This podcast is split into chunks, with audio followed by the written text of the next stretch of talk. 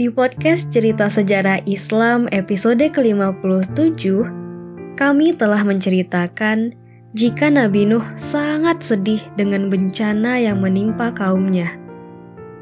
Bumi menjadi porak-poranda.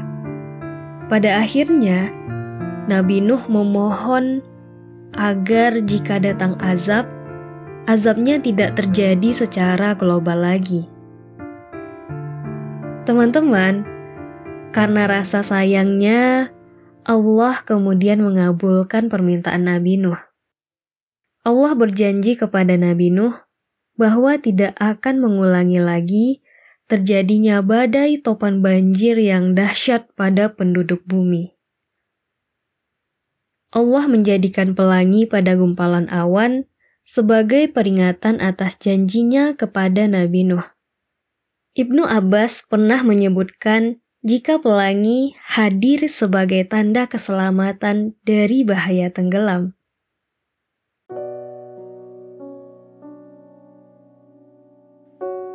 Setelah peristiwa air bah, Nabi Nuh masih hidup dan berdakwah pada kaumnya.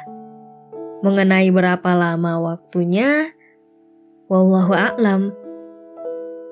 Menjelang wafat, Nabi Nuh memberikan amanat pada anak cucu dan kaumnya. Nabi Muhammad Shallallahu Alaihi Wasallam pernah bersabda bahwa Nabi Nuh berkata, Sesungguhnya aku berwasiat kepadamu berupa perintah tentang dua hal dan larangan berupa dua hal. Dua hal yang berupa perintah yaitu aku perintahkan kepadamu untuk meyakini bahwa tidak ada Tuhan selain Allah.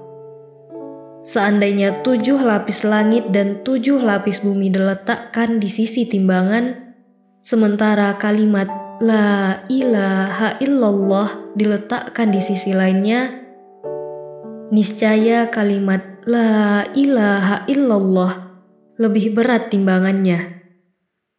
Aku juga berwasiat kepadamu bahwa seandainya tujuh lapis langit dan tujuh lapis bumi itu merupakan himpunan makhluk hidup, niscaya ia akan terhimpun dengan La ilaha illallah, subhanallah, dan wabihamdih atau alhamdulillah.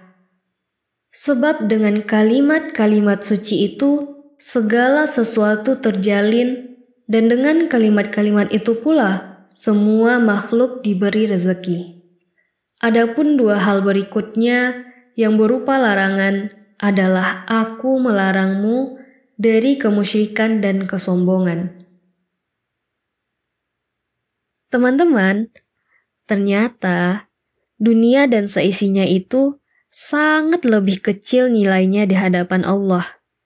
Bahwa seisi semesta jika ditimbang tak lebih berat nilainya dari kalimat La ilaha illallah.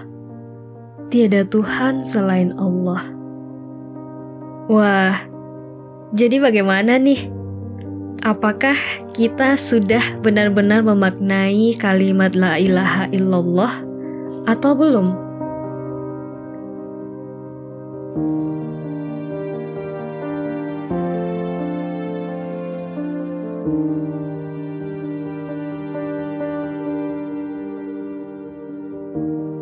Setelah mendengar cerita dari Rasulullah Shallallahu Alaihi Wasallam mengenai pesan Nabi Nuh tersebut, salah seorang sahabat lalu bertanya, "Wahai Rasulullah, kalau masalah perbuatan syirik, aku telah mengetahuinya. Lalu, apa yang dimaksud dengan kesombongan itu?" Apakah maksudnya seperti seseorang di antara kami mempunyai sandal yang bagus dengan dua talinya yang sangat bagus pula? Rasulullah menjawab, "Tidak." Ia kembali bertanya, "Apakah karena perhiasan yang dipakai oleh seseorang di antara kami?" Rasulullah menjawab, "Tidak." Ia kembali bertanya, Apakah karena seseorang di antara kami menunggangi kendaraan yang bagus? Rasulullah menjawab, "Tidak." ia kembali bertanya, "Apakah karena seseorang di antara kami mempunyai beberapa teman dekat yang datang lalu duduk-duduk mengobrol dengannya?" Rasulullah menjawab, "Tidak." Wahai Rasulullah, lalu apa yang dimaksud dengan kesombongan itu?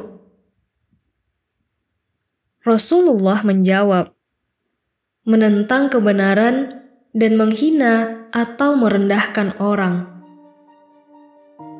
Percakapan tersebut tercatat dalam hadis riwayat Ahmad. Melalui hadis itu, kita diingatkan lagi nih bahwa makna kesombongan adalah menentang kebenaran dan merendahkan orang.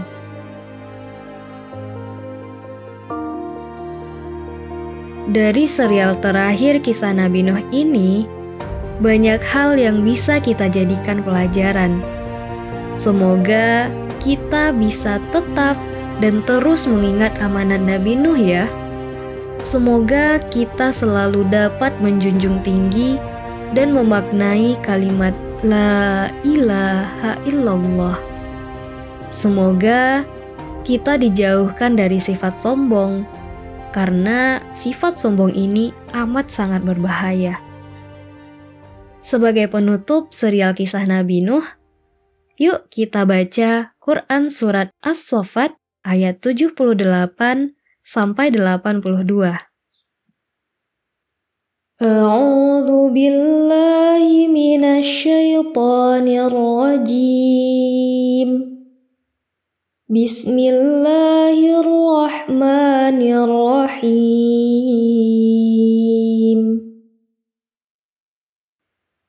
وتركنا عليه في الآخرين. سلام على نوح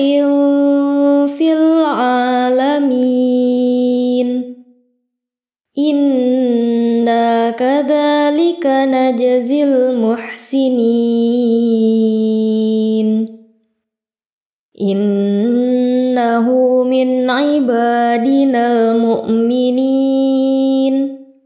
Thumma aghraqnal akharin. Dan kami abadikan untuk Nuh pujian di kalangan orang-orang yang datang kemudian. Kesejahteraan kami limpahkan atas Nuh di seluruh alam. Sungguh, demikianlah kami memberi balasan kepada orang-orang yang berbuat baik.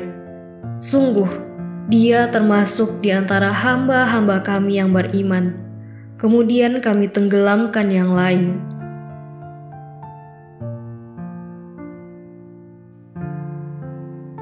Demikianlah podcast cerita sejarah Islam serial kisah Nabi Nuh. Sekian dari kami. Wassalamualaikum warahmatullahi wabarakatuh.